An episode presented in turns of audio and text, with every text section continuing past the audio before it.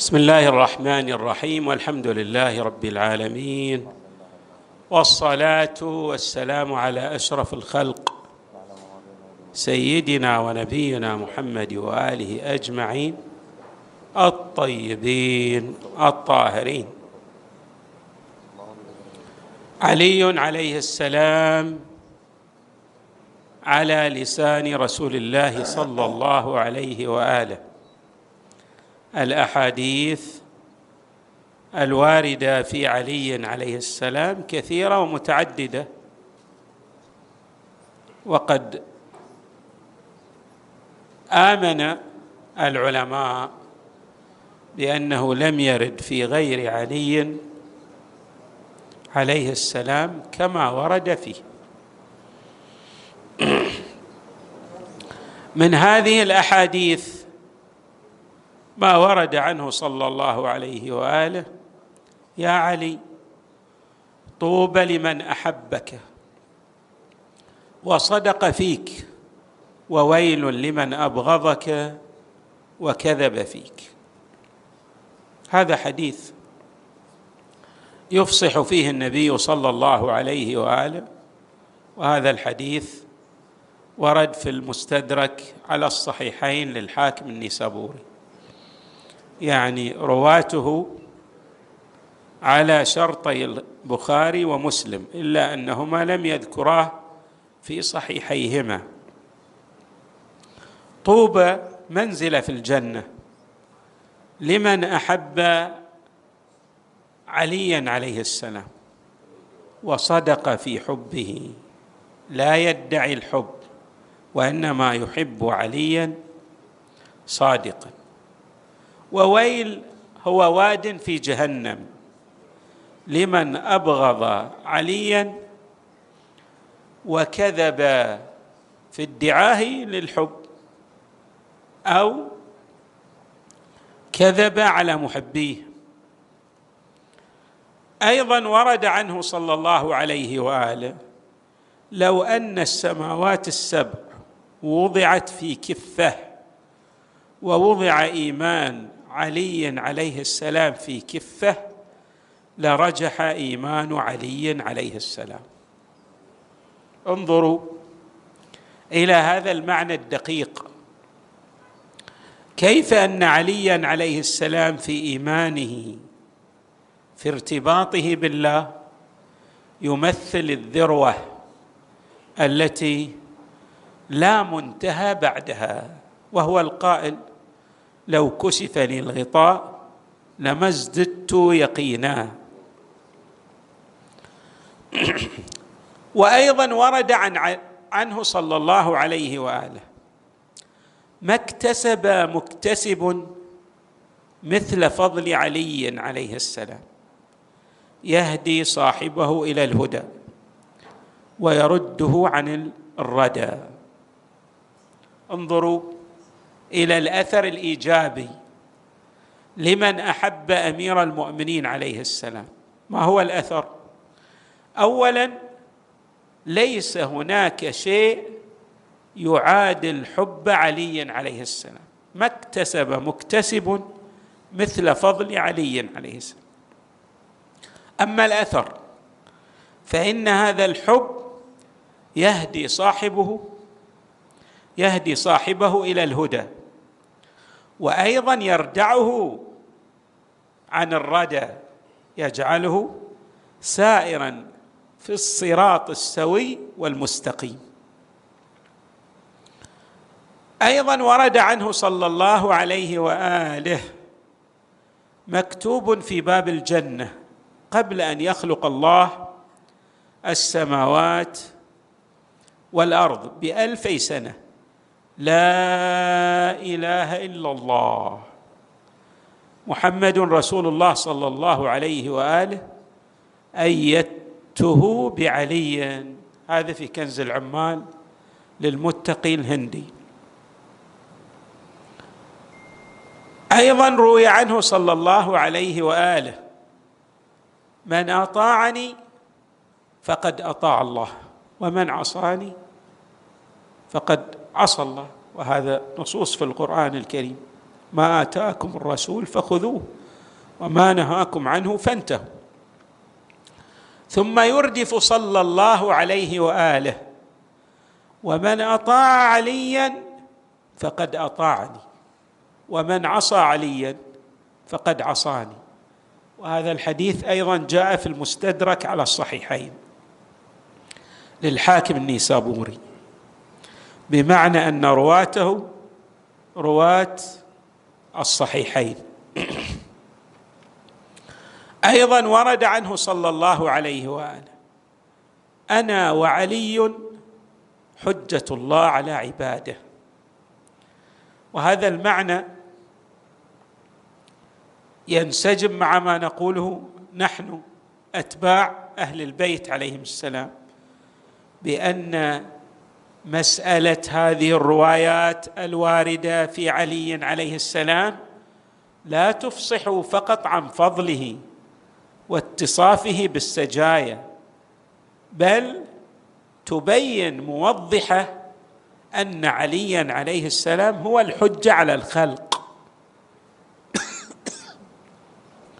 بمعنى أن من أطاع عليا فقد سار في جادة الصواب. ومن عصى عليا فقد تنكب الجادة. وظل عن الصراط السوي. أنا وعلي حجة الله على عباده. وأيضا ورد عنه صلى الله عليه وآله في حديث الطائر المشوي وهو حديث صحيح رواه الترمذي. اللهم ائتني أو ائتني بأحب خلقك إليك يأكل معي هذا الطير.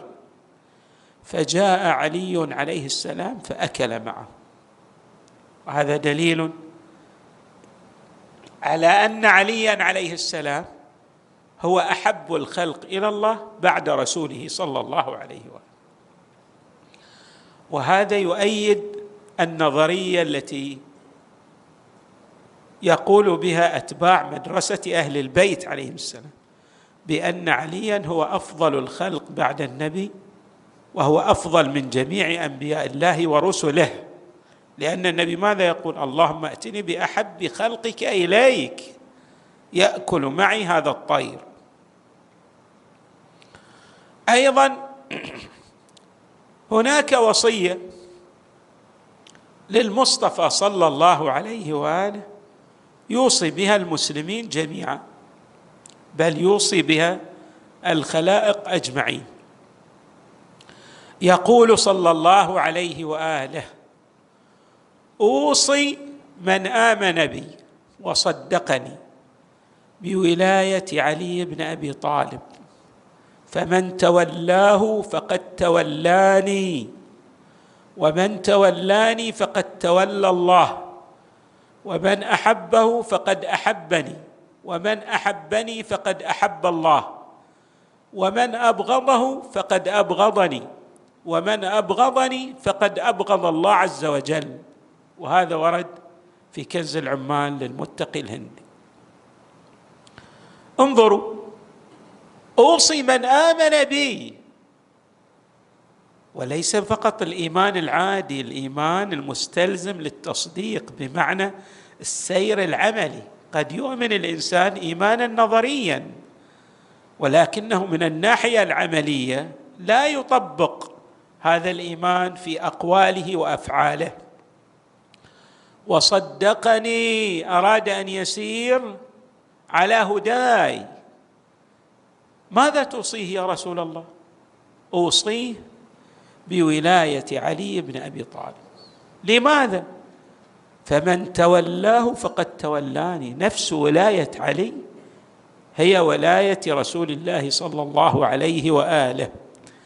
ومن تولاني فقد تولى الله. ومن أحبه أي من أحب عليا فقد أحبني. ومن أحبني فقد أحب الله. ومن أبغض عليا ومن أبغضه فقد أبغضني. ومن أبغضني فقد أبغض الله عز وجل.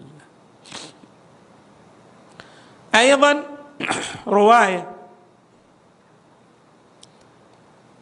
يقول فيها المصطفى صلى الله عليه وآله من سره أن يحيا حياتي ويموت مماتي ويسكن جنة عدن غرسها ربي فليوالي عليا من بعدي وليوالي وليه وليقتدي بالأئمة من بعدي فإنهم عترتي خلقوا من طينتي رزقوا فهما وعلما وويل للمكذبين بفضلهم من أمتي القاطعين لهم صلتي لا أنالهم الله شفاعتي. هذا حديث كما نعبر يضع النقاط على الحروف. يعني غاية في الصراحة والإيضاح.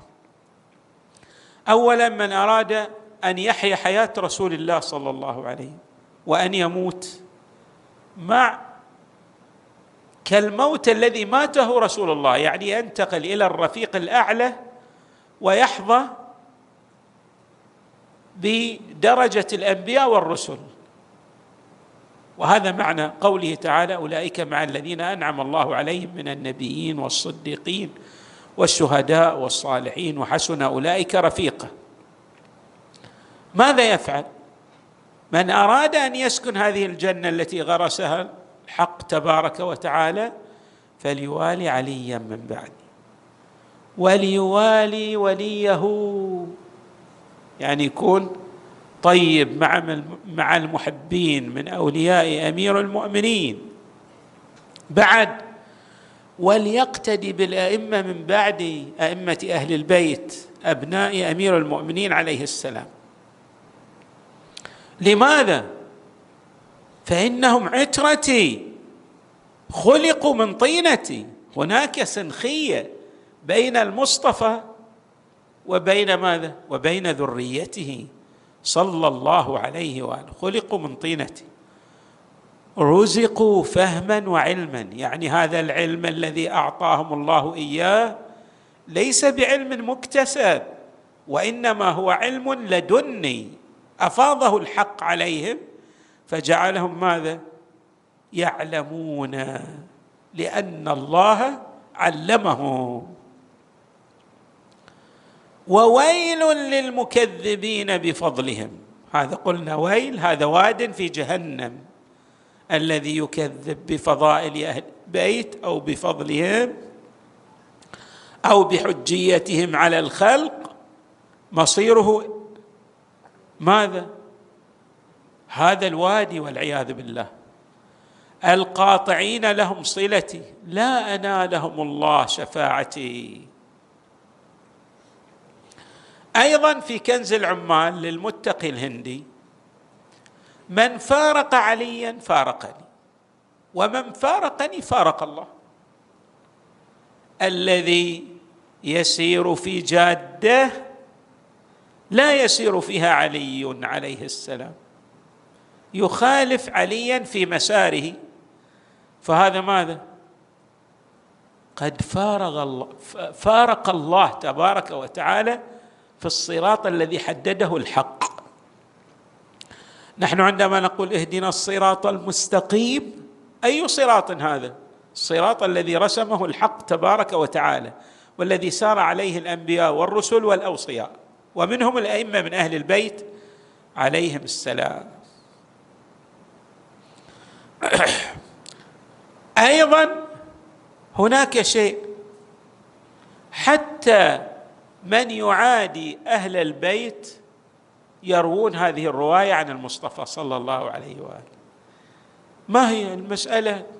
أن الإنسان من الطبيعي أن يقترف ذنوبا في حياته ولكن يحتاج إلى مغفرة الله وهناك طرق للمغفرة. من أفضل هذه الطرق الولاية لأهل البيت عليهم السلام. المصطفى صلى الله عليه وآله يقول يا علي إن الله قد قد غفر لك ولذريتك وولدك ولأهلك ولشيعتك ولمحبي شيعتك فابشر فإنك الانزع البطي النبي يبشر عليا عليه السلام. أيضا المصطفى صلى الله عليه وآله يفصح عن معان دقيقة في أمير المؤمنين عليه السلام فيقول يا علي أنت أخي وأبو ولدي أو ولدي كلاهما صحيح. تقاتل على سنتي. من مات على عهدي.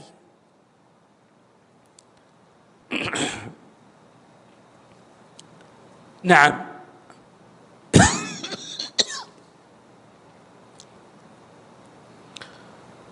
ومات على عهدك فقد قضى نحبه. ومن مات بحبك بعد موتك ختم الله له بالأمن والإيمان. ما طلعت شمس أو غربت. يعني في النهاية مصير من يوالي أهل البيت هو الخاتمة السعيدة السعيدة والعاقبة الحميدة.